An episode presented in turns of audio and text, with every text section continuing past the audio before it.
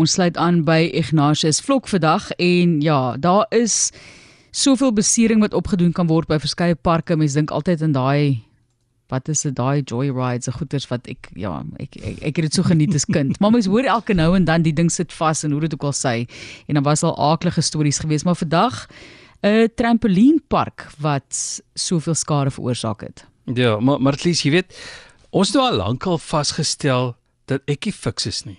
As ek 'n bietjie opwinding soek, moet ek of rustig bly met 'n haai langs my of verlief neem daarmee dat ek moet vasgespe en dan vaar die ander persoon weet wat hy of sy doen dat die toerusting hou.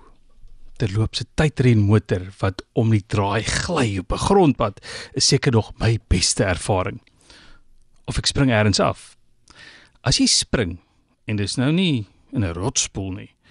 Dis uh op die oog af behoorlike onderneming. Dan aanvaar jy dinge is darm redelik veilig. Jy vertrou een of ander owerheid hou 'n oog op minimum standaarde. Of iemand by die werk sal bietjie herbesin oor 'n ding as iets fout gaan. As daardie springplek nog in Engeland is, sou jy dink mense is nog meer versigtig. Flip out. Chester is of was 'n onderneming met springmatte in die stad Chester. Soms is jy net te diep in 'n ding in om self te sê, "Hokkai."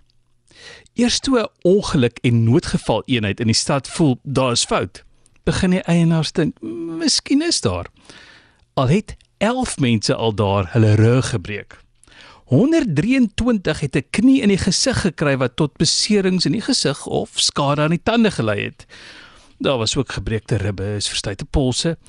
Die meeste beserings kom toe van 'n aktiwiteit waar jy van 'n toring van 5,3 meter hoog af spring tot in wat as 'n skuimput beskryf word.